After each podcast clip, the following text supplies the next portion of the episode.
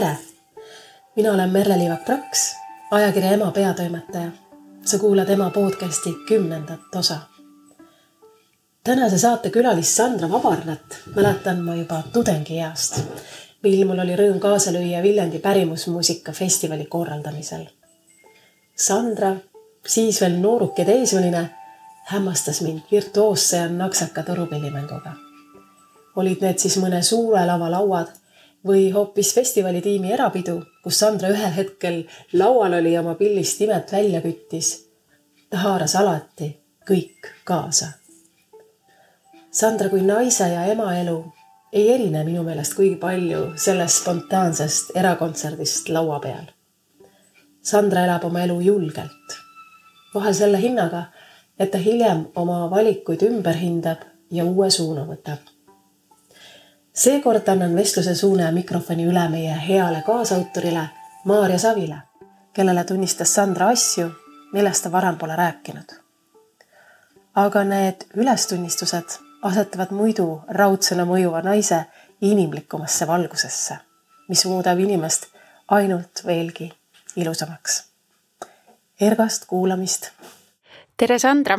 me kohtusime sinuga viimati pea kaks aastat tagasi kui me tegime ema ajakirjale intervjuud, mis äh, erinevatel põhjustel jäi ilmumata toona. et mul on täna väga hea meel, et saame oma vestlust siis äh, inimeseks olemisest, emaks kasvamisest ja elu õppetundidest nüüd jätkata. kuidas sul vahepeal läinud on? tere ka minu poolt ja äh, nagu me siin ennem seda salvestust rääkisime, siis ma pean ütlema, et mul on äh, väga vähe mälupilti sellest, et me oleme juba vestelnud, selles mõttes ma mäletan sind, aga ma ei mäleta seda pikka vestlust, et kas tõesti me rääkisime, aga noh, ma äh, siis süüdistan seda selles, et ma olin just saanud teise lapse ja nii kiire oli ja võib-olla lihtsalt ei mäleta kõike. aga kuidas läinud on, läinud on äh, väga põnevalt ma arvan, põnev on hea sõna. Äh, elu kahe lapsega kaks aastat mm, -hmm. kui mhm. võtta seda emaduse rollist ja, ja, ja väga põnev enda kasvamine on olnud viimased kaks aastat mm. -hmm. seda ja. on rõõm kuulda. meie podcast ilmub vahetult enne emadepäeva. kuidas sinu peres emadepäeva tähistatakse? Tead, ausalt öeldes äh, me nagu ei tee midagi erilist ja mina viin oma emale lilli ja, ja me oleme teinud võib-olla emadepäeva õhtusöögi, lõunasöögi, mis iganes, et kui me elasime veel äh, rohkem lähestikku emaga, onju äh,. või siis, kui ma elasin veel kodus, nüüd, kus mina ise olen ema, siis äh, äh siis samamoodi lapsed äh, või siis abikaasa toovad lilli ja, ja võib-olla me teeme mingi hommikusöögi onju, aga et selline muud väga midagi erilist ei tee küll mm. -hmm. et väga siis ei tähista suure. jaa, niimoodi jah, et nüüd võtame ette ja tähistame, et ei, seda ei ole jah mm. -hmm. aga räägi, sa natuke mainisid ka omaenda ema, et äh, millised suhted sul sinu enda emaga on olnud äh, läbi elu? Ma arvan, et väga head. Ma arvan, et head, kindlasti teismelisena mitte, teismelisena ma olin ikka selline mm, veri vemmeldas ja paugutasin uksi ja, ja, ja mäletan seda ühte korda, kus ma sain ema peale väga-väga pahaseks, ma olin kaksteist, ta ei lasknud mind äh, Viljandis äh, linna jaanitulele ja ma olin nii pahane ja ma ei rääkinud temaga nädal aega. Ja lõpuks isa tuli üles korrusele minu tuppa, ütles, nüüd lähed alla ja hakkad rääkima. Ja siis ma läksin, et loomulikult äh, selline teismeline ma olin, aga juba natukene hilisemas eas, siis tegelikult ma olen saanud alati emaga rääkida. Ja nüüd ise emana ma näen mingeid erinevusi või jällegi ka näen, miks tema on mingis olukorras niimoodi käitunud, aga ma arvan, meil on selline avatud ja aus suhe ja mida edasi, seda äh, minu arust lähedasemaks me tegelikult saame, loomulikult on see ka, et mina sain ise emaks, on ju, siis sa tunnetad teistmoodi, aga kuidagi üldse ka eluasjades, et põnev, et me arutame ja, ja, ja ma arvan, et väga hea suhe mm. -hmm milline vanaema ta on sinu kahele pojale? Ta on üks väga tegus vanaema. Et äh, kuna ta töötab siiani ja äh, ta sai just talvel sai kuuekümne viie aastaseks, aga ta on, ta on väga töine, ta on väga tegus, tema on see, me kutsume teda korilaseks, et, et juba ta on, juba sellel kevadel on ta korjanud karuloogu, mille ta juba on pannud sügavkülma nii et ma just helistasin paar päeva tagasi, ütlesin, noh, korilase töö hakkas pihta. ja, ja siis ta on selline vanaema, kes mängib tennist ja on hästi aktiivne, onju. ja, ja tegelikult kuna ta teeb tööd, meil on turismitalu, mida siis tema peab, siis pigem äh, ta ei ole selline vanaema, kelle juurde sa lihtsalt viid lapsi iga hetk, kui vaja, noh loomulikult elab ka Viljandis, me elame Tartus on ju, aga vanema pojaga on küll nii, et me oleme teda viinud kas nädalavahetuseks või siis, kui emal ei ole seal parasjagu kliente, turiste, et äh, siis ta vanema pojaga ilusti väga hästi saavad hakkama. Ja nooremaga on ka nüüd sellel kevadel olnud, et äh, jah, mitte selline klassikaline vanaema roll, et viskad mm -hmm. suveks maale ja jätad, et ei, tal on ikka palju oma tegemisi ka, et et pigem on meil Jalmari ema siis sealpoolne siis minu abikaasa ema on see rohkem nagu nii-öelda maavanaema, kelle juurde saab viia, kes on seal, kuigi tema teeb ka tööd, tänapäeva vanemad teevad tööd kõik onju, aga ta on võib-olla rohkem nii-öelda seal paikneja mm. -hmm. sellised kaasaegsed vanaemad. kaasaegsed vanemad, aga samas on äge ka, sest, sest jällegi, kui ma viin näiteks Villemi, kes on, saab varsti viieseks, viin tema ema juurde, siis nad käivad ringi, teevad mingeid asju, on ju, käivad kuskil äh, spaas, käivad kontserdil. et see on ka nagu väga äge jälle. oled sa kunagi mõelnud, et milline vanaema sa ise tahaksid olla? ei no ma olen kindlasti väga töine vanaema ja eh, ma, ma, ma ei ole tegelikult seda mõtelnud, milline vanaema ma tahan olla. aga mõtle praegu hmm,. milline vanaema ma tahan olla? ühest küljest muidugi oleks väga niimoodi romantiline, et selleks hetkeks ma elan ka kuskil maal ja, ja siis tuuakse need lapselapsed ja sul ongi seal peenrad täis maasikaid ja kõiki asju ja nii edasi. nagu minu enda tegelikult äh, siis emapoolne ema, siis minu vanaema oli, onju, et tema elas äh, ju Setumaal ja see oligi täiesti, viidigi sinna maale mitmeks nädalaks ja ja seal ei olnud väga palju naabreid ka, et ta elas ju linnast või linnast jah Värskast väljas.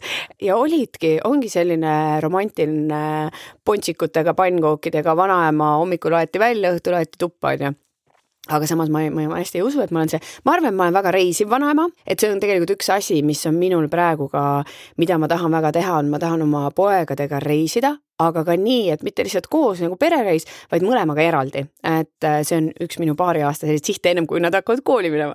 ja, ja ma arvan, et vanaemana äh, saab seda kuidagi äh, tegelikult äh, veel äh, edukamalt teha, et kui endal praegu on veel noh, tööasju ka palju ja seda planeerimist, et ma võib-olla see on ka see, mida ma näen oma ema siis sõprade pealt ka, kes käivad siis oma laste-lastega reisil, et kindlasti on see ka tulnud sealt. miks sa tahad oma lastega just eraldi reisida, kummagagi eraldi? Äh, sest ma tahaks seda üks-ühele aega. mulle väga meeldib nendega koos olla, nii et nad on mõlemad koos, on ju, äh, aga ka seda üks-ühele, et siis avalduvad ka teised asjad ja on need vestlused on näiteks selle viieaastasega no väga mõnusad vestlused mm, -hmm. ma väga naudin neid. et me just eile käisime, ähm, ma tekitasin eilsest endale uue hobi, ehk siis ähm, äh, vanem poeg õppis sõitma rattaga, ehk siis ilma abiratasteta, eks ju, sai iseseisvalt selgeks ja me käime väljas sõitmas, mõtlesin, jube tüütu on järgi joosta, ta on juba nii kiire, nii nii, aga kui ma võtan ise ratta, siis on nagu minul jälle igav, on ju. ja siis mõtlesin, peaks ka midagi, et mis oleks äh, põnev, aga samas, mida peaks ise õppima ja ma võtsin longboard'i ehk Aha. siis äh, no äh, mis on nagu, eks ju, rulast suurem on ju, vabandage mm, -hmm. kes seda kuulab ja teavad neid termineid on ju, aga longboard ühesõnaga sihuke rulast suurem. ja, ja ostsin eile, käisime poes Villemiga, ostsin selle ja tegime eile siinsamas lähedal niimoodi tiire ja me oleme jube head tempopartnerid tema on viieaastane rattaga ja mina olen kolmekümne siis hetkel seitse selleks hetkeks juba kolmkümmend kaheksa ja siis longboard'iga. Ja, ja sõitsime ja kruiisisime ja nii põnev on, mina õpin uut asja, tema näeb, kuidas mina õpin, kuidas ma ka ei oska mingeid asju, sest ega lastel tuleb ikka see frustratsioon vahepeal, noh, ma ei oska ja siis, kui ta alustas ka nädal, nädal tegelikult tagasi alles rattaga mhm. sõitmist, siis mingid hetked seal olid, on ju, viskas selle ratta maha ja ja, ja selline mõnus, mõnus ühiskogemus aga ah,, miks ma tahan reisida, tuli sellest. Ja, ja ühesõnaga üks-ühele, et see on sama need üks-ühele tegemised ja ma mõtlesin ka, et, et seda avastada ka maailma koos, et muidugi mulle meeldib nendega koos ka, aga just see, et oleks nagu üks-ühele aega. et see loob, ma arvan ka teistmoodi äh, teistmoodi suhte või et, et sa saadki seda tähelepanu anda ühele, sest ma näen ka, mis praegu kodus veidi toimub, on see, et see väiksem tunneb kogu aeg, et ta on nagu no mitte nüüd kõrvale jäetud, sest ta saab tegelikult tohutult palju rohkem tähelepanu, aga ikka ma näen, et ta käitub hoopis teistmoodi, kui ta on näiteks üksi minuga, on ju. et siis, et seda aega neile, neile anda mm. -hmm. väga armas mõte. ma lähen tagasi sinu äh, vanemate juurde, täpsemalt sinu isa juurde, et äh, kahe tuhande viieteistkümnendal aastal sinu isa lahkus. Järgmisel päeval olid sa tagasi laval. mis on need meetodid, kuidas sellisel äh, emotsionaalselt väga raskel hetkel mitte täielikult katki minna ja kuidas sa ennast sel perioodil toetasid? Äh, ei, ma läksin täielikult katki et äh, ma võin sellest nüüd rääkida, sest ma olen sellega tegelenud, aga ma tegelesin sellega kuus aastat hiljem. ma alles tegelesin tegelikult sellega eelmisel, ma ei olnudki, ma arvan, sellega ju tegelenud selleks hetkeks, kui meil esimest korda rääkisime. ühesõnaga, kui pärast esimest last äh, kui ta oli aastane, ma põlesin läbi nii-öelda ja tekkis need ärevushood on ju, siis ma hakkasin oma harjumusi muutma, kõik oli hästi, toetasin ennast, siis äh, kui teine laps sündis ja ta oli, see suvi tuli, ta oli umbes viiekuune on ju, siis mul tekkis uuesti see äh, nagu ühel päeval. ja seal olid mu muud asjad mängus, seal olid mängus see, et ma olin magamata, ma ei olnud korralikult söönud, ma olin alkoholi tarbinud ja mul ongi vaja mitu trigger'it, et mm -hmm. tuleks, on ju. ja siis ma sain aru, et okei okay,, okei okay,, okei okay., et siin on midagi veel, et ei ole ainult see, et ma hoian harjumusi ja siis on hästi või et ainult noh, need asjad saavad kokku, et kuskil on mingi sügavam asi, mis seda ikkagi ikkagi kerib, on ju. ja ma läksin psühholoogi juurde ja tookord siis äh, või siis sellel teisel korral ma päriselt hakkasin kaevama, et kust see siis nüüd tulnud on, et kui esimene kord ma nagu, ma tundsin, ma ei taha ja et ma pigem siis kompenseerin need harjumustega, elustiili muutusega et siis ma sain aru, et see võib ähm, mingil hetkel aidata, aga lõpuks me jõuame ikka sinna, et kui seal minevikus on mingid asjad, millest sa ei ole lahti lasknud, siis need tulevad ikka tagasi ela nii tervislikult, kui tahad, onju. ja siis, äh, kui ma läksin esimest korda psühholoogi juurde, siis pärast seda teist läbi, ütleme seda siukest suuremat ärevushoogu, siis kuidagi tuli kohe isa jutuks ja ma hakkasin kohe nutma ja siis ta ütles, et kuule, et aga sa pole isegi selle, sa pole seda leinanud isegi, siis ma olin siuke aa, okei okay., et ma siin nii polnudki mõtelnud, enda arust ikka ju nagu leinad ja on kurb ja nii edasi. ja siis ma tegelesin hästi palju sellega see sügis ja nüüd ma võin sellest täiesti nagu rahulikult rääkida ja tõesti, ma ei osanud ennast hoida. see, et ma läksin järgmine päev lavale, see oli ühest küljest äh, kuidas öelda, noh, nagu harjumus või ka, et vaata laval sa ei mõtle. tegelikult mm -hmm. ma olen, ma olen viimasel ajal hästi palju mõtelnud, et lava on super hea ärapääsemise koht.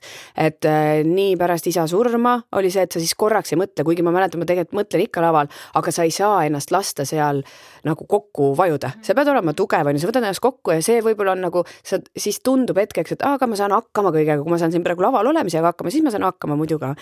ja, ja seda on veel olnud siis, kui ma esimese rasedusega olin täiesti no nii halb oli olla ja me tuuritasime mingi Inglismaal, mul oli nii külm, et ma magasin hotellis kampsuni ja jalanõudega, lihtsalt nutsin, mul oli nii halb olla. Ja sa lähed õhtul lavale mm mingis, äh, vabandust väga, sellises sitases klubis, mis haiseb veel eelmise õhtu alkoholi järgi onju, no kunagi me tegime selliseid klubisid. Mm ja, ja sa pead minema ja sa lähed ja, ja sa unustad selleks hetkeks ära, et sul on halb olla, sa laulad seal, sa mängid pilli onju ja see toob vaata ajule ka kergendust, et, et miks öeldakse näiteks, et vaimsete teemadega maadeldes väga hea on teha näiteks mingit sporti, on ju. see, et sa saad korraks ajule puhkust, et, et sa korra ei mõtle nendele asjadele et siis äh, lava on minu jaoks olnud see, see koht ja nüüd ma arvan, nüüdseks on see, see on jällegi see koht, kus ma tunnen, et ma sellest igapäevast argiasjadest ja ja kuigi ma oskan, ma arvan, väga hästi ennast juhtida ja planeerida juba kõike, et siis ikka on see koht, kus ma saan lihtsalt nautida seda hetke, ma ei pea kellegi teise pärast muretsema, hoolitsema ja nii edasi, onju. Mhm. ja toona tegelikult ju äh, ma lihtsalt hambad ristis läksin edasi, ei olnud mingit väga-väga äh, raske oli ja ja, ja ikka noh, Jalmar oli väga suur tugi mu kõrval, et äh, ma ikka, neid kokkukukkumisi oli palju ähm,, ma ei osanud üldse ennast emotsionaalselt toetada, ma tegin äh, noh, kõike, mis äh, aitas ennast ikkagi ka nagu hävitada või ma ei ütleks isegi hävitada, vaid nagu seda tuimestada pigem. põgeneda. põgeneda jah, et mhm. tuimestada seda tunnet on ju, ma tegin suitsu, ma tegin äh, snüüsi sellel ajal või noh, nikotiinipatju siis ei olnud siis olid ikkagi snüüs ja tubakaga need äh,, alkoholi jõin, noh, mitte nii, et ma iga õhtu jõin seda, mhm. aga noh, pidudel ja festivalidel ja, ja ikkagi, kui oli pidu, siis oli hommikuni ja nii edasi, et, et ma nagu ei võtnud seda hoogu maha ja tööd tegin hästi palju, onju. Mhm. et ma hoogu maha ei võtnud, kuniks siis äh, kuniks siis tegelikult vist oligi see aasta hiljem, kui oli see, et, et mul aasta kilpnärm üle talitus ikkagi sellest stressist ja kõigest siis ma hakkasin nagu tegelema, aga ka mitte väga ikkagi teadlikult nüüd tagasi vaadates, kuigi ma sain selle nagu korda. ja ma arvan, see ikkagi kõik kulmineerus ka sellega, et noh, sündis see esimene laps ja siis lõpuks see läbipõlemine, et ei olnud ainult see, et oo, ma tegin edasi tööd, ei saanud magada ja nüüd põlesin läbi, et need on need kõik asjad, mis aastate jooksul tegelikult on kogunenud, on ju. aga nüüd, oh, tead, kui mõnus on, kui sa oskad ennast hoida, kui mõnus on elada. Ja, ja see ei tähenda üldse, et ei oleks neid raskeid hetki, neid raskeid hetki on ja, ja vahepeal tahadki minna sinna voodisse pugeda. Ja mul oli eelmine nädal üks hetk, kus ma mõtlesin, et oh, mingid mõtted lihtsalt käisid peas, käisid, kerisid, kerisid, mõtlesin, ah oh,, ma lähen lihtsalt sinna voodisse, olin viisteist minutit ja siis mõtlesin, aga mis ma teen praegu, tõuse püsti, sa oskad tegelikult ennast aidata, tõuse püsti lihtsalt. ja siis ma lihtsalt tõusin püsti. Et, et kui varasemalt ma oleks lihtsalt sinna voodisse jäänudki sinna ennast aletsema ja, ja sa ei suudagi ennast motiveerida püsti tõusma, on ju, sa ei tahagi midagi teha. et siis äh,, siis nüüd ma seda oskan ja, ja, ja see on huvitav ka, et just paar päeva tagasi mul sõber äh, rääkis hea metafoori, mis ta luges ühest raamatust et sul on valik elus, kas sa oled toores muna või keedetud muna. Ja, ja ehk siis seda, et kas sa hoolitsed enda eest, kas sa lood need harjumused, kas sa tegeled iseendaga või siis sa ei tee midagi, lased elul minna, lased seda lükata, tõmmata ennast ja nii edasi. ja kui see toores muna, kes siis ei tegele iseendaga, kukub maha, siis ta läheb ju täiesti katki mm -hmm. ja noh, võimatu on seda isegi mõnikord, mis mõnikord, seda ongi võimatu kokku panna ja isegi sealt üles korjata, aga kui see keedumuna maha kukub, siis tal tulevad ikka mõrad sisse, võib-olla tuleb isegi mõni kooretükk ära mm, -hmm. aga ta ei lähe lõpuni katki, on ju. ja minu arust nii ongi, et, et ja kuidagi ma olen sellega hästi rahu teinud, et, et ei ole võimalik elada sellist ideaalset elu, et kõik on nüüd super hästi, ma tunnen ennast iga päev super hästi, näiteks mind isiklikult on pärast lapsi väga palju mõjutab äh, puutsükkel, tohutult, mhm. et varasemalt ma ei pannud isegi tähele, aga nüüd nagu emotsionaalselt just on ju. et, äh, et seda ideaalset seda ei olegi, aga see, et just, et kuidas ennast toetada nendel hetkedel, kus muna maha kukub siis või, või, äh, või on see raskem hetk, et, ähm, et see on, see on võimalik. Ja, ja teine hea metafoor, mis just tõi üks, üks terapeut ütles, et, et see endaga tegelemine ja ka suhetega tegelemine, oma vaimsete teemadega tegelemine tegelikult on nagu see, et, et sa lähed pööningule, kuhu on kõik asjad ära pandud. ja siis sul on variant, et sa lähed sealt midagi otsima, et sa ei pane tuld põlema igaks juhuks, sest seal võib olla igasuguseid asju, igasuguseid kolle, igasuguseid asju, et sa ei pane, võib-olla sa leiad, võib-olla sa ei leia, võib-olla sul lööb pea ära, tuled sealt ära pööningult või teine variant on, sa lähed sinna, sa paned tule põlema, hakkad sealt järjest koristama seda mm. -hmm. see on raskem, see võtab rohkem aega, äh, sealt võib igast asju välja tuua, tulla, onju, aga sa leiad siis sa paned selle tule põlema, on ju. saad pööningu korda. ja saad pööningu korda, jah. aga ja. räägi natukene, kuidas selle isa lahkumise leinaga siis äh, rahu teha? tead, mina käisingi psühholoogi juures, temaga me koos tegelesime, et kes on ka käinud, et siis äh, me tegime seal, lõime selle turvapaiga, kus äh, neid emotsioone siis nii-öelda lahendada või kus minna, kui tekib keeruline on ju olukord ja tegelikult olidki mingid emotsioonid, millest ma nagu hoidsin kinni ja temaga koostöös siis nagu lahendasin neid, on ju mm. -hmm lasid neil, lasid minna nendel? jah, lasin minna, et see on nagu, minu arust see psühholoog mulle hästi kirjeldas seda, et, et, et sa võid mõistusega aru saada ja sa lähed ju eluga edasi, on ju, aga see hetk näiteks, kui sa kuulsid sellest või sa said teada sellest, et siis see emotsioon mis valdas sind sellel hetkel, siis väga tihti me külmutame ära selle endasse ja me ei lase sellest emotsioonist enam lahti, on ju. et, et, äh, et täpselt samamoodi tegelikult oli, äh, millest me räägime ka, oli see minu esimene tegelikult raseduse katkemine, mm. et see oli ka tegelikult üks selline trigger või päästik, see punkt siis, mis tekitas ka neid ärevust, et ma ei olnud sellega ka tegelenud, ma ei olnud seda ka leinanud, on ju, ja lasknud lahti, sellepärast mõistusega ma saan aru, et iga neljas naine, rasedus katkeb ja tore juhtus mm, -hmm, keegi pole süüdi süüdi, okei okay,, onju. aga see emotsioon, kui mulle seda öeldi mm, -hmm. oli nii valus ja nii ootamatu, et äh, ma lihtsalt jätsin selle emotsiooni sisse, ma ei tegelenud sellega, ma ei tahtnud enam seda tunda, ma ei tahtnud kuidagi seda, ma ei osanud ka seda lahti lasta, onju, et siis see oli see nagu, millega me ka psühholoogiga tegelesime mm. -hmm. et seal oli mitu asja. meie kahe aasta taguses vestluses sa põgusalt rääkisid ka sellest äh, raseduse katkemisest, see oli siis enne Villemit, enne kuud, kõige esimene rasedus ja sa ütlesid äh, tookord, et äh, sul tekkis äh, viha teiste inimeste vastu, kui sulle tundus, et nad ei mõista sinu sees olevat valu. mäletad sa seda aega? Ma mäletan, ma tundsin seda ja, ja ma ei tea, ma ei mäleta, ma sulle sellest rääkisin aga ja, ja ma mäletan seda, et kui me saime teada ja see oli kõik nii äh, dramaatiline, sest see oli juba kolmas, kolmas kuu, me läksime kolmanda kuu kontrolli ja siis tuli välja, et see rasedus on peetunud, on ju. mingeid märke keha ei andnud sellest, keha nagu hoidis edasi kinni, kõik nagu kasvas, on ju. ja siis oli selline šokk ikkagi ja pärast seda ja muidugi, äh, et see, et inimesed nagu teised lähevad eluga edasi, et kuidas, kuidas siis neil ei ole raske või äh, muidugi neil noh, ei olegi või kuidas nad ei tunne seda, ei küsi võib-olla kogu aeg, kuidas sa tunned, on ju, mitte et mul oleks see ka nagu meeldinud, aga mm, -hmm. aga ja minu sees oli selline, ma arvan, niisugune viha ja kibestumus, et sellest, et, et see olukord nii läks ja et miks minuga ja no nii edasi, nii edasi, on ju ja enam mul nagu seda, isegi see emotsioon, ma mäletan, et mul oli see emotsioon, aga see ei tule mul nagu enam üles, sest mm -hmm. täpselt ma tegelesin nagu ka sellega, on ju. Mhm.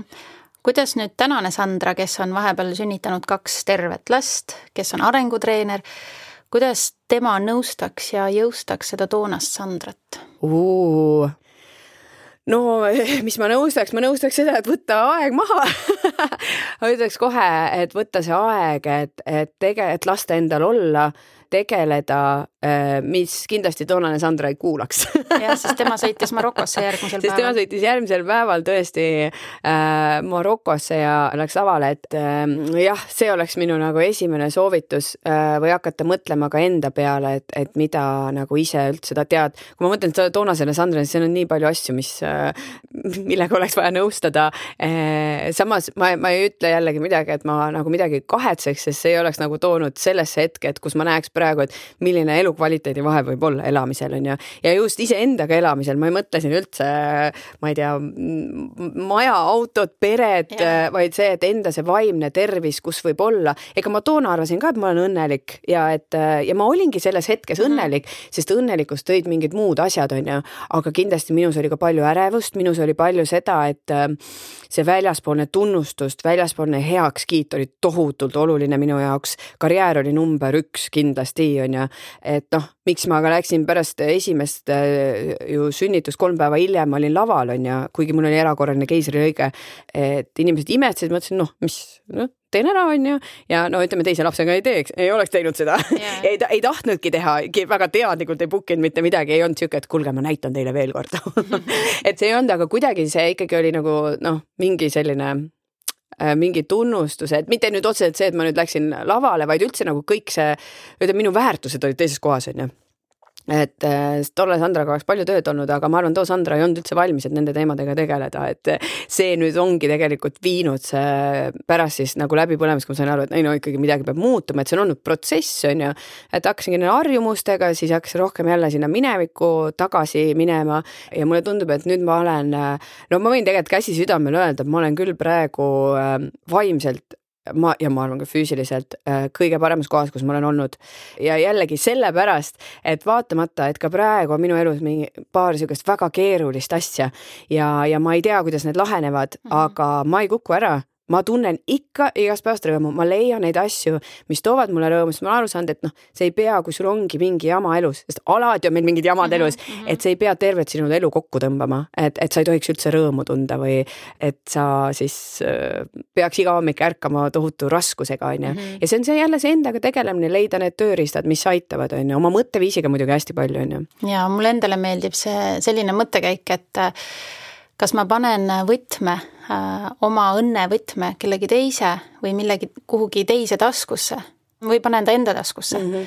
et ma ei sõltuks mingist välisest äh, õnnest või kelle, kellegi teise tunnustusest või, või tegudest või sõnadest, et tunda ennast hästi. ja, ja, ja tead, see on äh, ka või noh, kaks mõtet, üks asi on see, et, et kui küsitakse, küsitakse tihti, et kuidas ma ikkagi aru saan, kas minu eesmärk on minu eesmärk, on ju, siis äh, on üks väga hea küsimus, ongi see, et kas sa teeksid seda, mida iganes, mis iganes eesmärk see võib olla, see võib olla eluline, suhetega, tööalane, et kas sa teeksid seda ka siis, kui sellega ei tuleks välistunnustust, sellest ei tuleks äh, raha, kuulsust, võimu näiteks, kas sa siis tegeleks selle asjaga või kas sa siis tahaks tahaks selle inimesega koos olla.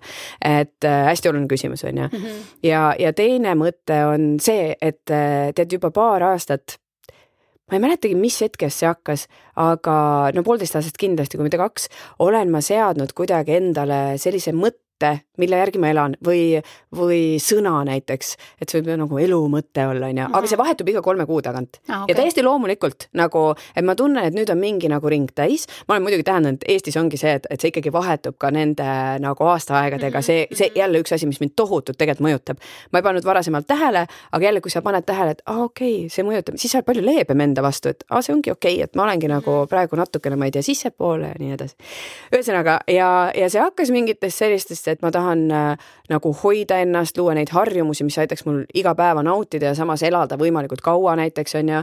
või siis äh, mäletan eelmine talv, kui ma vaatasin Anu äh,, Hommik Anuga saadet ja seal oli see äh, psühholoog, kes töötab siis nendega, kes mm -hmm. on suremas, on ju. et siis ma sealt kuidagi sain selle mõtte, ah oh,, ma tahaks olla sellel hetkel, kui ma suren, õnnelik. et see oli nagu mingi mõte, mis mind kolm kuud saatis, et, et see jällegi suunab mind praegu ju tegema neid tegusid, et ma pärast ei kahetseks, kui ma olen, ma ei tea, kaheksakümmend, üheksakümmend on ju, sada ja, ja praegu on selleks sõnaks on kergus ja minu jaoks tähendab seda, et ma tahan tunda just enda mõtetes kergust, ma tahan oma kehas tunda kergust ja, ja see ei tähenda päris nii, et ma nüüd hommikul ärkan üles ja hakkan tegema valikuid, et no mida ma söön, kas ma pesen hambad ära, aga kumb on kergem?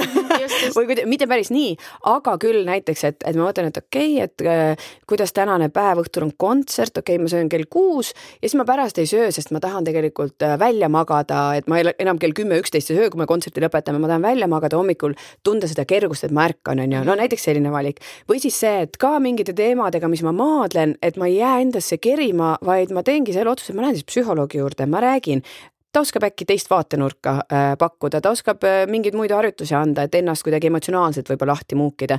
sest ma olen jälle see inimene, kes on hästi ratsionaalne, paneb faktid kirja, kõik nii on, nii on, on ju, aga teinekord ma lükkan neid emotsionaal, emotsioone nagu alla, on ju.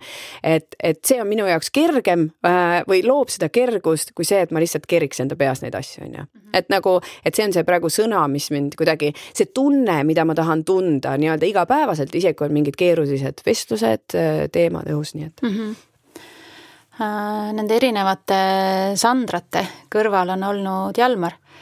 kuidas äh, tema on nende raskemate eluhetkede äh, ajal hakkama saanud sinu kõrval? kuidas need on mõjutanud teie omavahelist suhet mm.?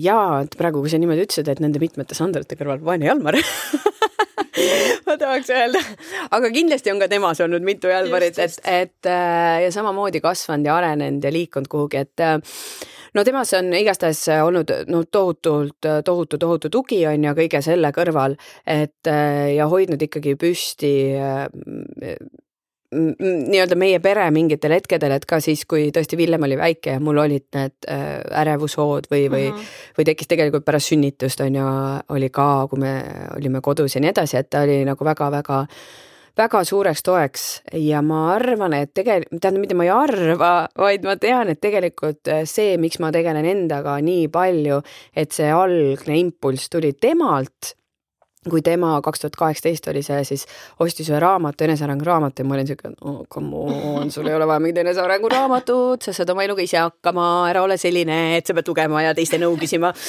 ja siis äh, pool aastat hiljem tuli seesama raamatuga nagu märkmik, seesama mees, Brendan Bouchard siis, kes on üks USA ettevõtja, inspiratsioonikõneleja, arengutreener ja no märkmikud mulle väga meeldivad mm -hmm. ja siis ma tahtsin seda märkmikut endale hakata täitma ja siis vaatasin oh, oh, aga see ei ole tavaline märkmik, vaid see on päris nagu sisutihe, et ma peaks nagu raamatut lugema, et saada aru, mis ta mõtleb nende asjadega ja ma hakkasin seda raamatut lugema ja tegelikult äh, nagu see viis siin noh, nii paljude ahhaa-momentideni, et kui palju ma ikkagi ise kontrollin oma elu, et ja kui palju äh, neid valikuid ja ja nii edasi, et, et, et see oli tegelikult täitsa Jalmari mitte võib-olla nii teadlik mhm, teene mm, -hmm. aga selline spontaanne. asjade käik. asjade käik jah, et tema nagu äh, alustas selle, selle ahela nii-öelda ja, ja tegelikult noh, jõudsimegi sinna hoopis, kus mina siis äh, noh, läksin veel rohkem veel sügavuti kui Jalmar sellesse ja, ja õppisin ise ka lõpuks arengutreeneriks, tegelikult selle, selle heaks, et jällegi ennast rohkem aidata, on ju.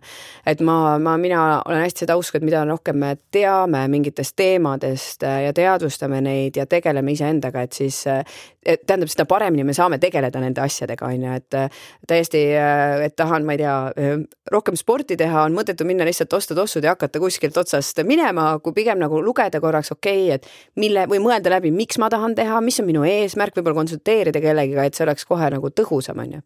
et mitte lihtsalt hakata pea ees kuhugi jooksma mm. -hmm. kas ma olen õigesti aru saanud, et nüüd nendel viimastel aastatel sina oled tegelenud enesearengu teemadega, aga ka Jalmar on jaa, äh, ja, äh, ja tegelikult sellest kaks tuhat kaheksateist siis alates äh, ja ka tema tegelikult tegi need arengutreeneri paberid, aga hmm., aga nüüd ta otsustas, et, et ta ei jätka, et kuna neid peab ka uuendama iga kahe aasta tagant on ju, läbime jälle koolituse, et minul see huvi on, ta ütles, et temal nagu, nagu selleks, et tal oleks sertifikaati vaja, et tal sellist huvi ei ole et tal on tulnud kogu see treski teema on ju, see lava teema, korraldamise teema, et aga kindlasti elab temaga palju teadlikumalt on ju, et võib-olla mingil määral ta võtab vähem aega mingite enda enda asjade jaoks, aga see jälle oleneb nagu perioodidest ka, on ju.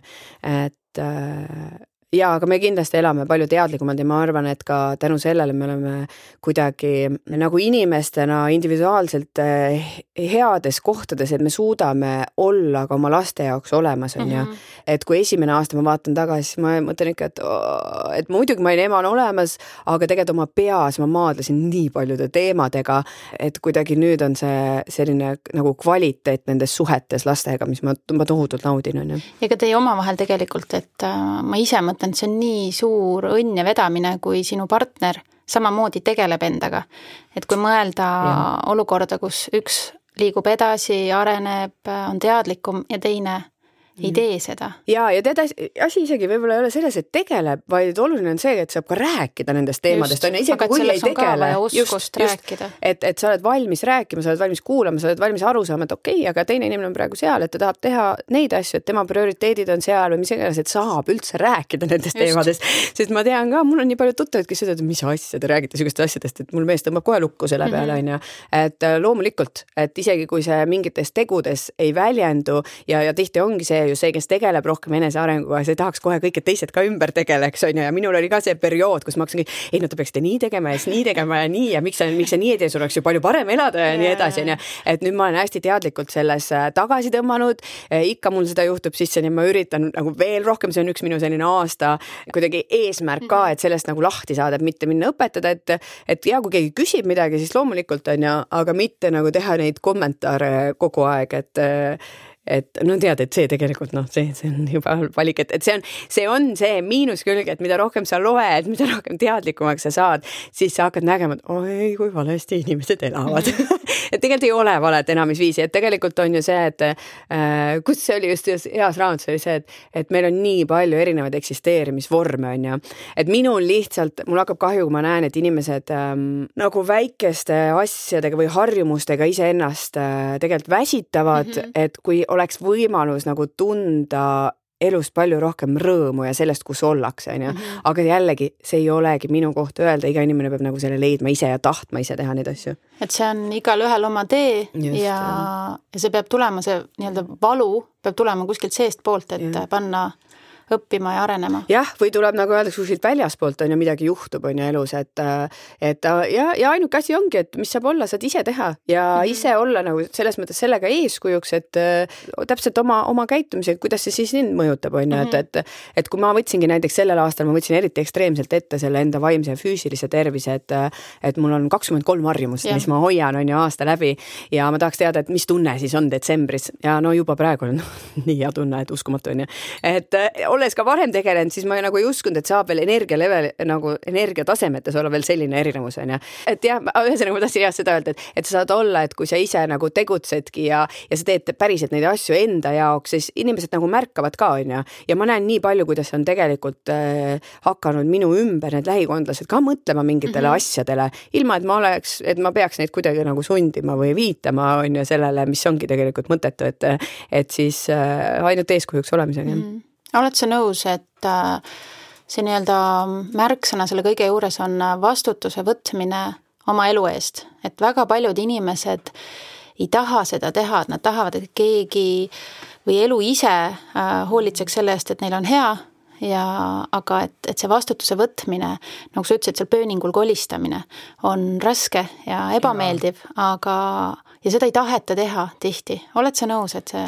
ma olen täiega nõus, et äh, kuule, et see isegi kui ma tean, et mul on psühholoogi aeg, siis ma ikkagi mõtlen nagu eelmisel oh kuramus, mis ma pidin panema et see nõuab nii palju vaimset energiat meilt, et tegeleda nende asjadega, et isegi kui me teame, et meil pikas perspektiivis hakkab parem, on ju, ja see ei tähenda ainult äh, nagu psühholoogi juurde minekuga, aga ka mingite oma harjumusega, et noh, olles mm -hmm. vähem ekraanides, et tegelikult pikas perspektiivis meil on parem, et jah, me ei saa hetkel seda dopamiini laksu nagu mõnulaksu, aga mm, -hmm. aga jälle seda suurt pilti vaadata, aga meie aju on hästi orienteeritud sellele, et me saaks kohe selle mõnu tunda, on ju. et äh, selle asemel, et võttagi see vastutus, et okei okay,, et aga ma hoolitsen endalt, et mul oleks ka näiteks nendel aegadel parem, kui tuleb väga rasked ajad, sest Just. kõikidel tulevad mm, -hmm. raudselt tulevad mingi hetk mingid rasked ajad, on ju. et aga seda pikka perspektiivi on nagu raske näha, sest sa ei saa kohe seda autasu, on ju. Mhm. aga inimestel me tahaks kohe seda autasu mm -hmm. tunda. aga ma pean ütlema, et see lihtsalt on nagu äh,, tuleb seda meeles pidada, et see autasu tuleb -hmm. sest ma näen seda nüüd viimase nelja aasta jooksul, et see tuleb äh, esimest korda ma tundsin kui ma hakkasin tegelema nagu une ja asjadega, siis üheksa kuud hiljem ma tundsin, kuidas issand, oota, mingi muutus on käinud, ma tunnetan mingeid asju teistmoodi ja, ja noh, selle peale une tulid muud asjad, on ju, siis äh, mingi hetk tuli äh, jälle mingi mitme, mitme kuu äh, nagu äh, järgi, et see ei ole üldse niimoodi, et oo, paar päeva tegin, on ju, sa ise võib-olla tunned ennast mõnusamalt, aga et sa nagu ka teised, teised märkavad seda nagu mingi aja pärast, on ju. et see on huvitav ja siis, kui sa saad aru sellest tundest, et ärkad hommikul üles, mõtled issand, mul on nii hea olla. mul oli, mul oli eelmine pühapäev, mul oli see, et me nüüd uuritame ja, ja siis ma magasin kümme pool tundi hmm. ja ma, ma viimati magasin kümme pool tundi, ma arvan siis, kui ma olin teismeline. ja, ja ma ärkasin üles, ma olin hotellis üksi ja ärkasin üles, et sa näed, issand, kui hea mul on olla. jällegi vaatamata asjadele, mis, mis toimuvad, on ju hmm. elus, mul on lihtsalt nii hea olla, et ma tunnen seda rahutunnet ja, ja see ei ole see, et ma kümme pool tundi magasin vaid, vaid see on need kõik asjad kokku, mis sa oled nagu teinud ja siis sa oled veel keha välja puhanud ja siis sa tunnetad seda, et oo oh, ja, ja, ja. siis oli hea. see autasu üleandmise hetk. just, just ja siis jätad selle tunde meelde ja lähed edasi ja teed neid asju, noh. hüppame nüüd äh, tänapäevast äh, minevikku, äh, enesearengu teemadelt natuke romantilisemale lainele. Te kohtusite Jalmariga ülikoolis Äh, aga enne, kui teist sai see paar, kes te täna olete, olite te mitmeid kordi ka lahus. Teil oli mingi periood selline kokku-lahku suhe. Äh, sa isegi kirjutasid talle kirja, kus sa ta maha jätsid, mhm. aga tema ei läinud ära. mis need äh, teemad olid, mis teid teineteisest aeg-ajalt eemalduma sundisid toona?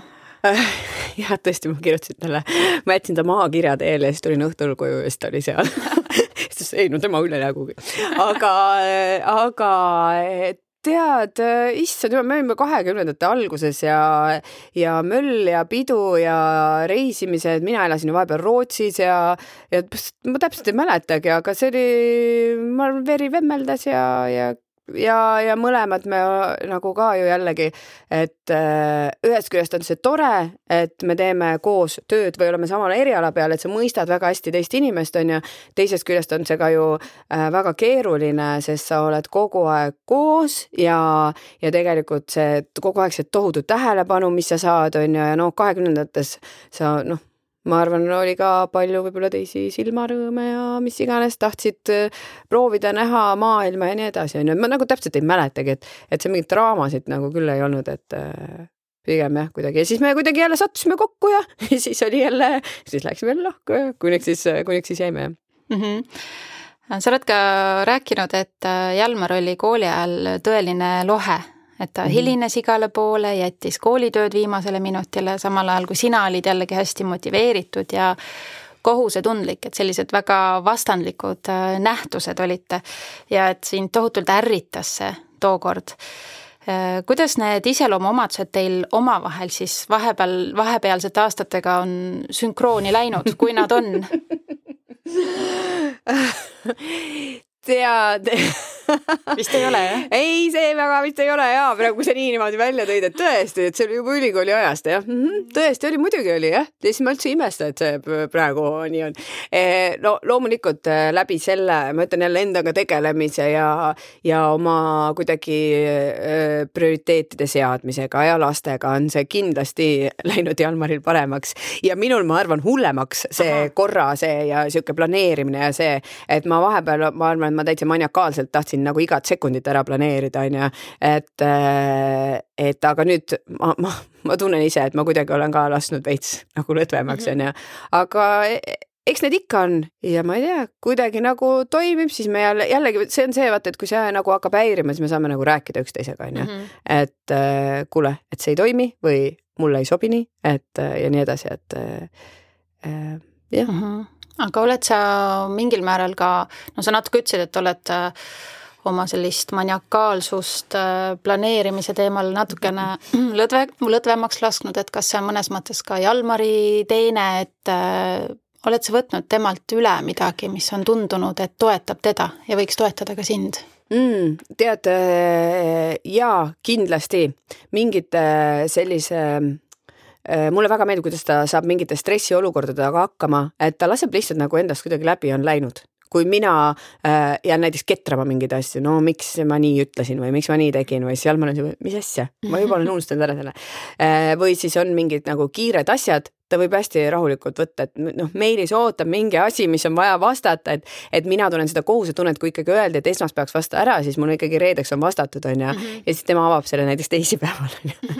et ja ma olen, ma ei ole, ma ei ole sellega nõus, et, et kui on ikkagi pandud tähtajad ja see ja see on ka nagu austus teiste inimeste vastu, aga samas eh, mingi, et ei ole ka seda vaja, mida mina teen, et ma näiteks juba nädal aega varem vastan, on ju, et sa võid jät-, noh, vastata ka seal viimasel hetkel, et see on nagu ka okei okay,, on ju, et seda ma küll olen, et just, et en-, et ise ei lähe selle stressi, ega teine inimene niikuinii ei tea, on ju, mhm. aga, aga sellist sihukest, sellist stressiolukordadega toimetulekut ja, ja just sihuke tööalased mm -hmm. stressiasjad, et lasta natukene nagu lõdvemalt, et tegelikult, tegelikult midagi ei juhtu ja, ja, ja mind on äh, jällegi aidanud kuidagi ka see, et jällegi ma seadsin endale mingid piirangud, mis, mida ma tegelikult praegu väga, ma ei võta üldse neid piirangutena, aga näiteks kaks suve tagasi ma lasin telefonist maha Messengeri, meilid mm, -hmm. mul ei ole üldse seal, inimesed ei saa läbi selle kätte, et, et, et kui on vaja ähm,, tähendab, ma vastan seal ikka, aga siis ma võtan arvuti lahti. Ja, ja point on selles, et äh, kui ma hakkan seal vastama, siis mul on päriselt aega, kui ma juba arvuti võtan lahti, siis mul on aega, et ma ei täida enda pead selle müraga, infotulvaga äh,, teiste soovidega, et näiteks ma kõnnin siit koju praegu ja siis vaatan üle ja siis vaatan, oh, kümme sõnumit on Messengeris on ju. ma ei jõua vastata, ma ei taha tänava peal vastata, aga need ketravad mul peas kuni mm -hmm. koduni. miks? Miks me teeme nii või sama meilidega, et vaatan üle, et sa näed, need hakkavad kerima ju peas. et siis ma võtan selle hetke ja, ja kirjutan, on ju, ja ma väga teadlikult kasutan ka nagu ekraani, et mul jääkski seda vaba aega, kus ma saan teha muid asju, kus ma ei ole, et ma näiteks kella viiest panen ekraanid kinni, ma ei lähe enam, kui kellelgi on tõesti nii kiire tööasi. et ma olen nagu selles mõttes võtnud lõdvemalt, et muidu ma olin, ei no peame ikka kogu aeg kursis olema, et ikka enne magaminekut ka veel vaatasid, vastasid mm, -hmm. et noh, vabakutseline äkki, et millestki ilma ja nii edasi, siis nüüd on ei, minu päev, minu tööpäev lõpeb viiest ma, siis ma olen lastega iseenda, kui kellelgi on megakiire asi, ta helistab, on ju, saadab sõnumi, mis iganes, sellele ma vastan, on ju, aga see tõesti peab olema megakiire ja väga oluline, on ju, aga tavaliselt ei ole Mm -hmm. tegelikult ei ole nii kiireid asju, mis ei kannataks järgmise hommikuni, on ju. et äh, ja läbi selle tegelikult ma olen toonud enda, enda nagu seda ellu sihukest vabadust ka, et äh, loonud ise need ajad, on ju mm. -hmm. et läbi selle sa siis justkui nagu ka väärtustad iseennast. just, jah. rohkem, et ei ole kõigile kogu aeg. ja, ja jälle see on saada. ka see vaimne või noh, üks tööriist, kuidas ennast hoida, on ju, et sa ei, ei ole kõigile kättesaadav, aga mis sa siis selle ajaga ka teed, on ju, et et, et kui inimesed nagu tunnevad seda, et oo, nad jäävad kogu aeg millestki ilma ja et ei, peab ikka seda telefoni näppima, on ju, ja siis äh, tegelikult on see, et kui sa seda telefoni näpid, siis sa jääd nii paljudest asjadest mm, -hmm. muudest asjadest mm -hmm. ilma, et millest kõigest sa jääd ilma, kui sa oled kogu aeg ekraanide sõltuvuses või tunned seda vajadust kogu aeg neid vaadata, et et mida, mida, läheb, tulevadki prioriteedid mängu, et mida sa tahad siis mm -hmm. elus kogeda, mida sa tahad tunda, on ju. Mhm. et äh, no näiteks täna hommikul äh, viisin vanemat last lasteaeda ja siis ta tegelikult läheb väga hea meelega ja täna oli selline, me istusime pool tundi, ta istus mul süles pool tundi, on ju, ta saab viieseks kohe, et ma ei saanud ka päris lükata niimoodi, et tõstan ühesõnaga äh, nagu väiksemaga saab tegelikult teha, et ta lihtsalt ja las karjub natuke seal õpetaja süles ja on läinud, no viieaastast sa ei tõsta enam, on ju. ja siis me rääkisime seal pikalt ja miks ja, ja ta oli nii mõi- ja ma ei saanudki teda jätta, sest ta oli nii mõistlik, et, et ta ütles, et ma olen kurb, on ju, ja siis me ütlesime, et no miks sa oled kurb ja, ja et mul on vaja tööle minna, mul on koosolekut, et saad aru, et siis me saame õhtul jälle koos olla ja siis me saame seda, seda teha, siis emme, ma saan kõigest aru, aga ma olen ikka kurb mm. ja kuidas sa lähed ära, mhm. kui laps on sul nii mõistlik seal on ju, mhm. et ta on lihtsalt kurb. ja siis mõtlesin, et ah no suva need meilid, noh, mul ei vaja, ma teadsin, mul on tund aega täna ainult, kus ma saan mhm. meilidega tegeleda, ma ütlesin, ah no täiesti ükskõik praegu, et ma ei lähe lihtsalt, ma ei jäta karjuvat last, et need meilid äh, jällegi see, et kui ma näiteks kolm aastat tagasi oleks nagu ma arvan jätnud, ütelnud ei no tõesti, mul on nüüd vaja minna, tšau on ju. sa ütlesid, et ei, et see minu lapse emotsionaalne tervis praegu on minu jaoks nii oluline mm, -hmm. et me saaksid nagu jah, ta jääb kurvana maha, on ju, aga et ma ei jäta teda karjuvana sinna maha, et ma ei tekita selle šokki, et me jõuame ikkagi sellele mingile nagu kokkuleppele. või et sa ei jäta teda tema kurbusega üksi. jah, just, et mm -hmm. ja oligi kõik nagu lõpuks lahenes, tal oligi seda aega vaja, et ma saan mhm. aru, et me praegu oleme väga palju ära selle aprillikuu jooksul mm -hmm. kodus tuuritame ja ta noh, tekibki see tunne ja et kuidagi minu jaoks ka, kui nagu äh, ikkagi see nagu see põhifookus on emadusel on ju, et siis see minu jaoks on see ema roll kasvanud prioriteediks, see ei olnud kindlasti prioriteet mul alguses ja, ja see on kasvanud ja, ja mis on eriti tore, et ma ei tunne sellest, selles nagu kohustust, vaid ma tunnen sellest nagu naudingut mm. -hmm. et kui ma olen lastega, ma teen nendega koos asju ja see on jälle see, see on kogu see endale aja võtmise teema, see on see endaga tegelemise teema, et äh, enda mõtteviisiga, et tõesti, kui ma olen lastega, siis ma olen sada protsenti nendega kohal, on ju. ja, ja minu arust siis on ka okei okay,, et ma olen nagu eemal, sest nad saavad selle tähelepanu, mitte ma ei, ma ei tea, istu seal telefonis ja mõtle mm -hmm. tuhat muud mõtet, mis on kõik vaja teha, on ju. et kuidagi, et, et ma oskan seda nagu äh, nüüd palju paremini et suunata oma mingid muud asjad kõrvale ja ma olengi lastega, on ju, et sa saad aru, et, et tegelikult see on nii lühike aeg, et noh, hakkabki, mida suuremaks nad saavad kiiremini, vaata siis hakkab see tunne, et oh, nad kasvavad nii ruttu ja mm, -hmm. ja, ja kui öeldakse, et see on kaheksateist suve oma lastega, on ju, on jee kaheksateist. esiteks esimene, ütleme, esimene aasta kindlasti nad ei saa aru üldse enam, mis toimub, on ju, teine aasta noh, so-so mhm. on ju, aga mingi, ma ei tea, kümme kuni kaksteist, jee, nad tahavad mm -hmm. minuga olla kuskil ei taha ju ja, ja, ja siis ma, ma väga teadlikult paar nädalat tagasi otsustasin ka, et ma ei võta selleks suveks enam äh, mitte ühtegi nagu arengutreenerina siis vastu ühtegi rääkimist, ma ise ei korralda ühtegi koolitust. et kui on bändiga jah, ja nagu agentuurid, kes me, asi on minus, kellega me teeme, et äh, aga neid ei tule enam nii palju, et, äh, et ma muid ekstra asju enam ei võta, ühtegi podcast'i salvestust, ühtegi artiklit, mitte midagi, et äh, kõik lükkan sügisesse. et lihtsalt nautida seda, et võtta võimalikult palju nagu aega, et olla lastega ja olla ka iseendaga, et laadida ennast mm. -hmm. väga äge emaks olemine võib olla küllaltki kurnav, mõnel juhul lausa täiskohaga töö. ja nii mõnigi ema võib hakata lõõgastust või lõdvestust otsima ebatervislikest, kui mitte öelda valedest kohtadest. liigne kohvi tarbimine, magusasõltuvus, napsitamine, selline veinitamine sa üllatasid paljusid oma jälgijaid aasta alguses ülestunnistusega, et äh, langesid ka ise möödunud aastal nikotiinipadjakeste lõksu. Ähm, tunnistan, et äh, ka minus tekitas see teatava dissonantsi, sest äh, nikotiinipadjakesed ja Sandra Vabarna justkui ei käi kokku selles välises kuvandis ähm, kuidas sa ise sellistesse inimlikesse nõrkustesse suhtud ja kust sa leiad motivatsiooni, et sõltuvuse nõiaringist siis sirge seljaga välja tulla? No väga-väga põnev teema on ju, ja mina ütlen kohe ära, mina olen väga üldse sõltuvustele väga aldis äh, ja, ja seda on näha olnud nagu terve elu vältel, et kui mingi asi tuleb, siis ma olen nagu all in nagu täiega mm. -hmm. et äh, ei ole sihuke poolega tegemist ja seda nii heades kui halbades asjades on ju.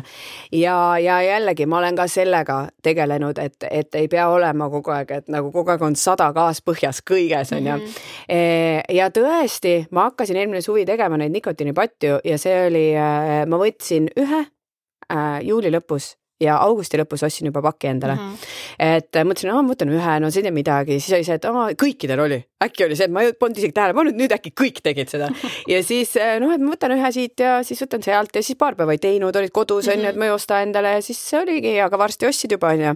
ja siis äh, ja see tuleb ka sellest, et ma tegelikult kahekümnendates ma ma olin kakskümmend kolm vist, kui ma õppisin suitsetama tegelikult mm. -hmm. ja, ja ma õppisin, ma päriselt kaks nädalat õppisin, see oli väga vastik ja ma, ma tahtsin teada, miks inimesed teevad seda, et miks nad tunnevad naudingut ja ma õppisin, sundisin ennast suitsetama. kuni okay. selle, sellest hakkas mõnus, on ju, muidugi mm -hmm. sa jääd ju füüsiliselt äh, nagu nikotiinilõksu. ja, ja siis oli väga, ma õppisingi Rootsis, siis ma seal aasta aega midagi ei teinud ja siis ka ühel, ühel, ühel tuuril, me olime koolikaaslastega, siis kõik seal proovi või kõik tegid seda siis nii-öelda seda snüüsi onju ja mõtlesin, davai, ma proovin ka onju, no ja sealt läks need järgmised kaks aastat. et äh, aga ma olen alati olnud sihuke on-off nagu et äh, siis jälle nädal aega ei tee, siis ostad, siis teed jälle ja nii edasi. ja, ja tõesti, ma tegin ja ma tundsin, et see lihtsalt tegelikult väsitab mind ja kuidas sellest äh, nõiaringist saada või noh, ma saan aru, et ongi tegelikult üldse sõltuvused, et näiteks esimese lapsega oli minul ka see, et äh, tekkiski see, et äh, hästi suur ka kofeiinisõltuvus on ju, et märkas, ta ärkas vara on ju, aga mina läksin hilja magama ise, kuna ma olin ise üleval, mitte et äh, ei oleks võinud minna varem magama uh, -huh. ise tekitasin uh. -huh. see esimene asi hommikul oli see kohvi, nii, ah siis see kohvi, teine kohvi. et ähm, ja no suhkur on ka täpselt sama asi on ju, mis, et äh, et neid sõltuvusi on ja, ja küsimus on selles, et ähm, kust, kust alustada, ma mõtlen, tead, seal on palju asju, aga mulle tundub, et, et üks, üks hästi oluline, mis mind, ma saan ainult enda kogemusest rääkida, on ju, et mis mind on nagu aidanud, praegu ma pole, issand, millal ma alustasin, esimene jaanuar, neli kuud saab läbi, mul on võib-olla üks kord olnud tunne, et tahaks nikotiini või tahaks seda nikotiinipatti, on ju. alkoholi ma jätsin ka ära, sellel pole kordagi olnud kiusatust, on ju, et teha endale selgeks nagu miks miks sa ei taha seda teha, et või mis, mis muutub sinu elus, kui sa ei tee seda või kui sa ei tarbi seda. ja minu jaoks on hästi olulisel kohal on minu energia sest siis mul on energiat rohkem, ma tunnen ennast palju paremini ja nii vaimset kui füüsilist energiat. ja teisel olulisel kohal, võib-olla isegi samaväärsed, on lapsed. et äh, väga suur erinevus, kas ma ärkan hommikul ülesse, olen eelmisel õhtul äh, tarbinud nikotiini äh, või alkoholi ja siis ma olen selline veits uimane, veits sitt on olla endal, on ju, võib-olla pea valutab. eks sa tegeled ikka nende lastega, aga ma tunnen, kuidas ma ei ole sada protsenti kohal, mul ei ole seda värskust. et ja mul ei ole seda viitsimist ka ja õhtul õhtuti oli sama asi, et tood lapsed koju, noh eriti seal pimedal ajal on ju. Äh, ja ma arvan, et miks oli ka nagu lihtne sõltuvusse jääda, et see sügisene aeg, et pimedal ajal sa tuled koju ja siis noh, oled juba teinud, on pime ka, sa ei lähe välja ka nagu lastega enam. ja siis ainuke mõte on see, et millal lapsed lähevad magama ja siis mõtlesin, ma ei taha elada niimoodi mm, -hmm. et ma mõtlen, et ma näen oma lapsi niikuinii paar tundi päevas tööpäeval onju, et minu mõte on see, et millal laps läheb magama, et siis on nagu mõnusam onju. et äh, ja siis mõtlesin ei, ei, ei oota, see mulle ei meeldi praegu ja, ja ma sain aru, et seal on mitu tegurit. et üks asi ongi see, et kui ma näiteks oleks jäänud seda, et ma ikkagi nagu joon alkoholi, no alkohol ei ole nii suur probleem, pigem ma olen nagu selline biojooja, et kui on tõesti pidu või mhm. festival, siis on ju, ma ei ole selline, et iga õhtu tahaks klaasi veini, ma ei ole kunagi nagu ei ole olnud seda et äh, siis äh, kui ma jooks nagu alkoholi näiteks pidude käigus, siis ma arvan, ma oleks juba seda äh, nikotiinipatti ka teinud, on ju. et, et kuidagi need asjad eemaldada, pluss siis see, et ma tõin nagu positiivsed harjumused ellu, et ma tõesti magan kaheksa tundi, noh, mida ma tegin ka varasemalt ja nüüd ma pööran veel rohkem lõhku, on ju. et ma teen iga nädal tõesti neli korda nädalas trenni, on ju.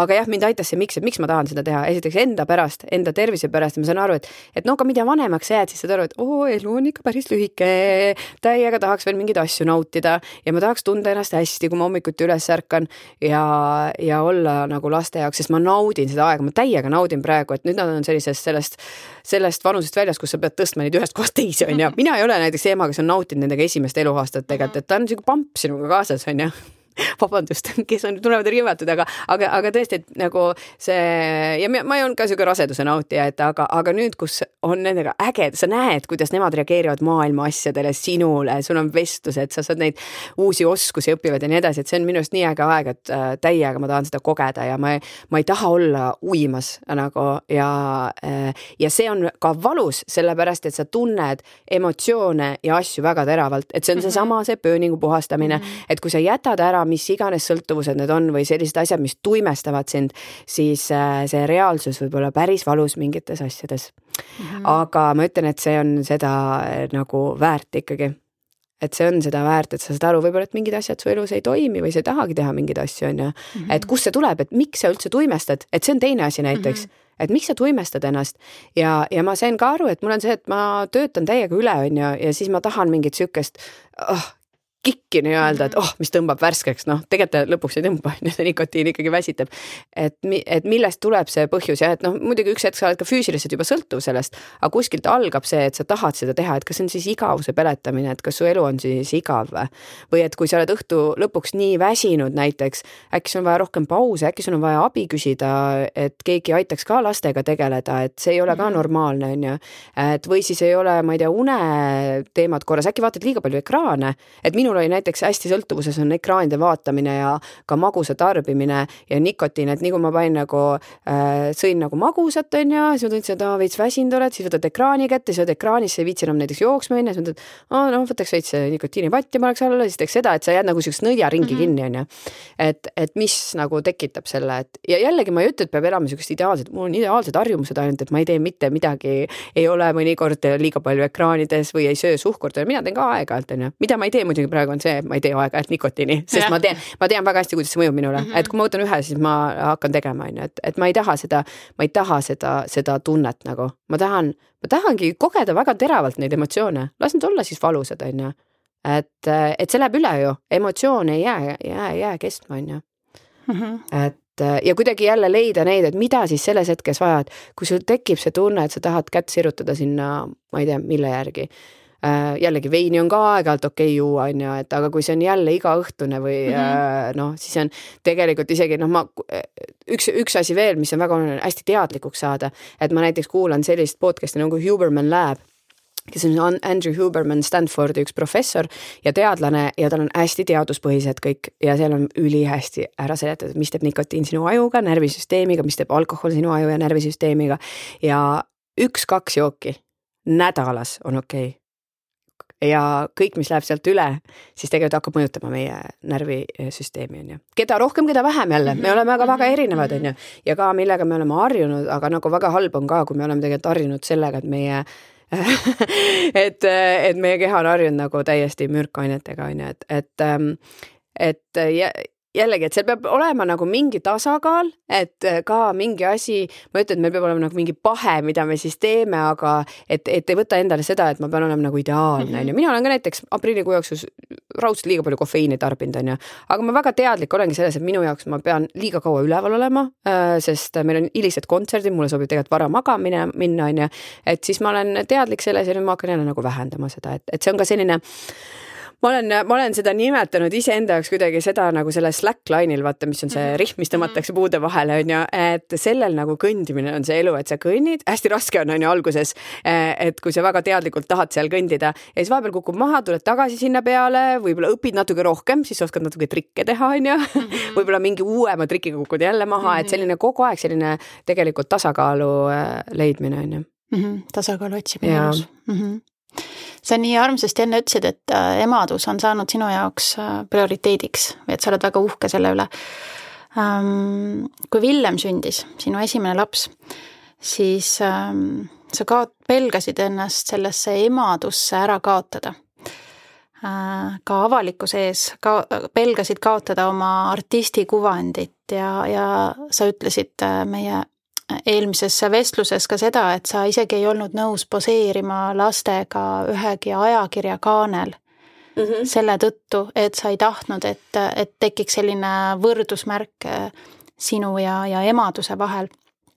nüüd, täna, teed sa koos äh, Sandra Raju ja Killu Kolsariga äh, sellist veebikoolitust just nimelt emadele, mille nimi ongi Asi on emaduses mis teil üheksandal mail juba algab.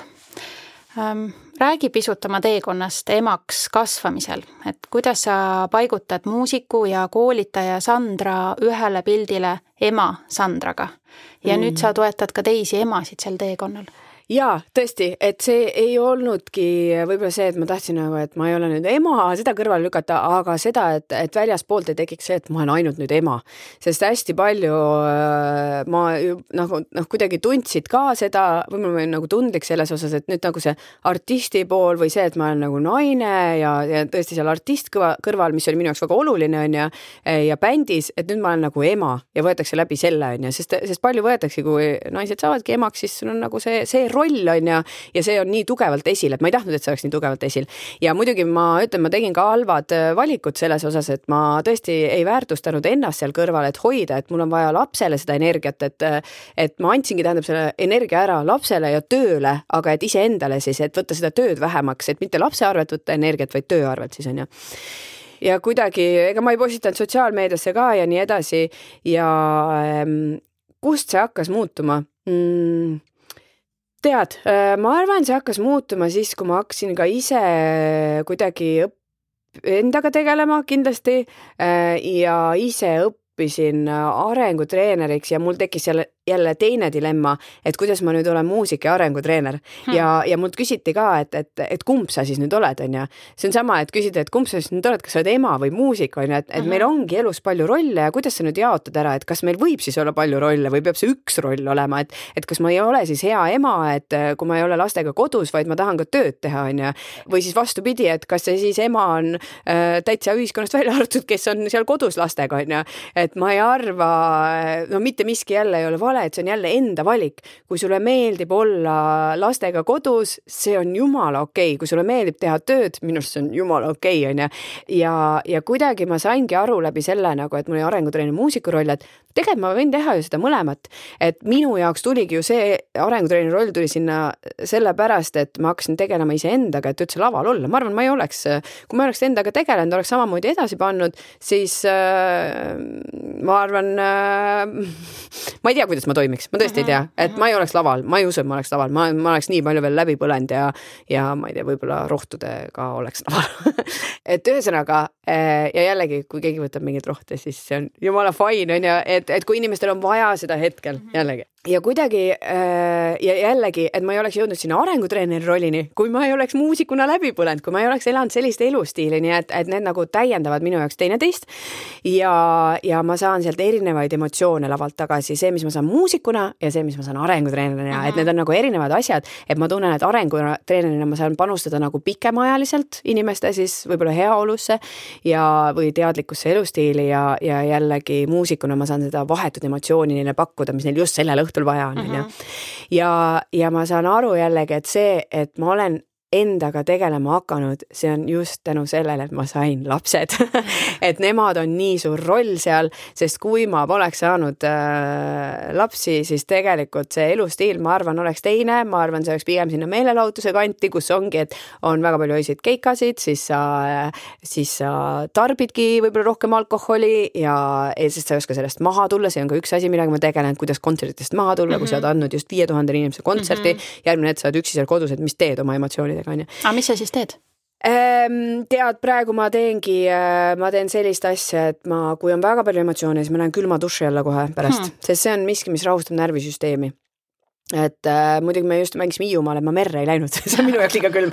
et, et see on näiteks üks asi, on ju, ja ma võtan, annan endale aega, et sellest maha tulla, ennem kui ma lähen voodisse, väga teadlikult äh, ma ei tarbi äh, alkoholi, mis on ju jällegi üks nagu tuimestaja on ju, sest ma, ma teen sellel aastal väga põnev, et ma arutan ka inimestega äh,. on need näitlejad, on need äh,, ma ei tea, tehnilise poole pealt, sest nemad on ka samamoodi ju lähevad hilja öösel, saavad, on kontserti ära teinud, helimehed, mhm, valgusmehed on ju. Mhm. et mida tehakse ja no ikkagi kahjuks on see populaarne vastus, et noh, ja siis ma lähen võtan klaasi veini või, ja siis ma lähen sõpradega välja, et hästi palju on seda, seda on ju, et, et see alkohol ikkagi ja ühesõnaga, et, et ma olengi jõudnud sinna, et, et, et vastupidi, ma pean olema tänulik selle ema rollile, sest see on mind toonud praegu siia ja ma poleks never ever kogenud selliseid tundeid, nagu ma praegu kogen oma laste vastu mm -hmm. ja üleüldse nagu elus. ja, ja ma olen väga tänulik jälle selle, jälle selle eest, et mul on olnud võimalus tegeleda iseendaga, et ma saan nautida seda emadust, et ma ei ütle, ma ei tea, viiekümne aasta pärast, kui lapsed on suuremad, et jaa, aga see oli ainult raske aeg mm, -hmm. vaid see tegelikult on see mõnus aeg ka,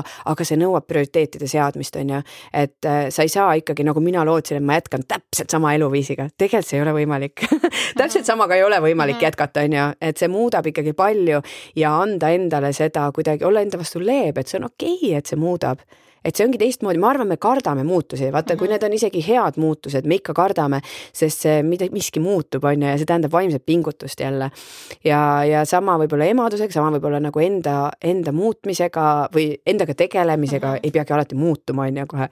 et, et me kardame seda tuld ikkagi põlema panna, et pikas perspektiivis oleks mõnusam ja, jah, ja mind on aidanud ise nagu väga palju koolitused, kus ma olen osalenud, on ju, ja, ja miks me mõtlesime ka, et, et mind, mult küsitakse lihtsalt hästi palju kirjutatakse Instagramis äh,, on paar fookusteemat, on esiteks, et kuidas sa saad magada, kui sul on väiksed lapsed -hmm.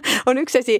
ja teine on see, et kuidas sa võtad endale aega, et kuidas sa lähed ära kodust ja jätad äh,, jätad lapsed maha ja, ja mulle väga meeldis jällegi eile mm, oli üks päevajuht, kus ma esinesin ja tema ütles, et tead, ma sõidan täna maale ja jätan lapsed äh, nende isaga ja tead, mis vä, nad ei suregi ära ja tõsi on, lapsed ei sure isaga ära et, et äh, aga emadena, see on ka üks harjumus minu arust, mida ma olen ka õppinud, ega mul oli ka alguses seda ärevust, et eriti kui me läksime tuuritama, on ju, me läksime koos tuuritama, laps jäi, laps jäi Eestisse, esimene vist oli, kui ta oli üheteistkuune, siis oli viis mhm. päeva, me olime eemal.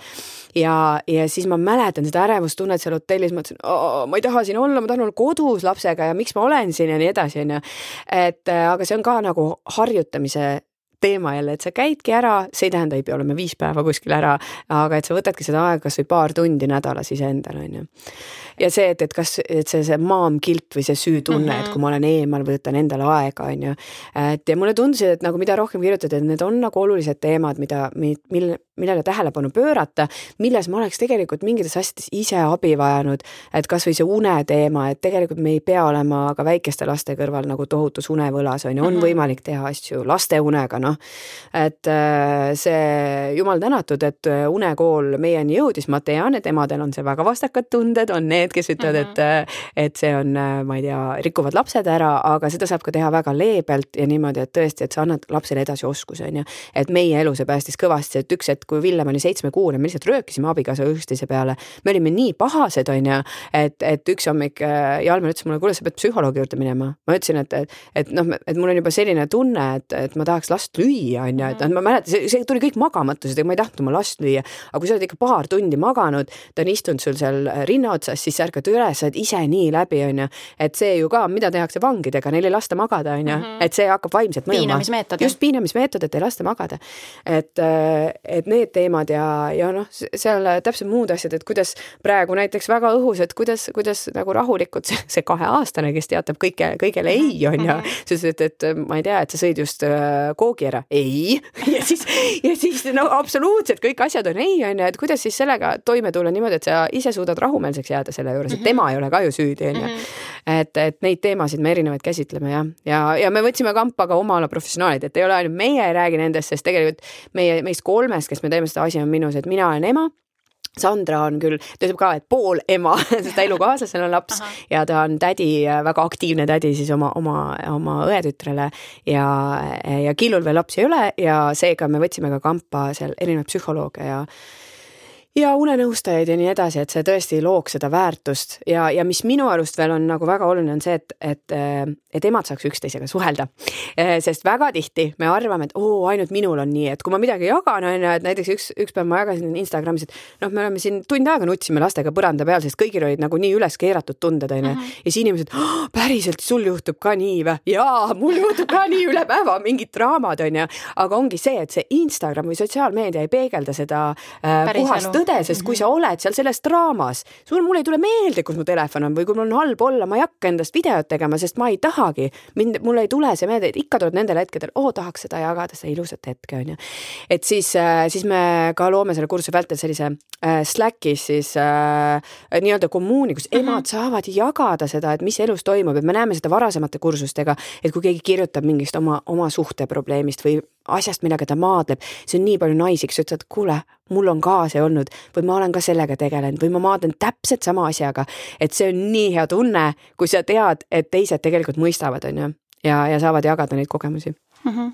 kui nüüd mõni ema tundis ära ennast, et tal võiks seda kommuuni vaja olla, et kust nad leiavad teid? asi on minus.ee ja, ja sealt juba leiab selle kursuse Asi on emaduses ja, ja see konkreetne koolitus on just mõeldud väikelaste emadele ehk siis null kuni kuus vanuses mhm. on mm -hmm. ju, et ennem seda kooliiga ja, ja see koolitus ise on kõik veebis, nii et vahet pole, kus, kus piirkonnas on ja kuna ka suvi tuleb peale, siis on arusaadav, et seda sõitmist võib-olla on rohkem ja, ja graafikud on teistmoodi, et siis kõik need kohtumised on ka järelvaadatavad. et saaks emad omas tempos vaadata vaata, sest alguses tead, mis me tegime, me tegime selle, et teeme nädalaajase. Iga õhtu üks loeng. Ja siis me saime aru, et oota, mida me teeme, me ise tahame pakkuda tuge ja siis me ise book ime nii täis, et noh, et kui noh, et see ei olegi võimalik mm -hmm. väikelaste emadel, ma iga õhtu võtan endale poolteist, kaks tundi on ju.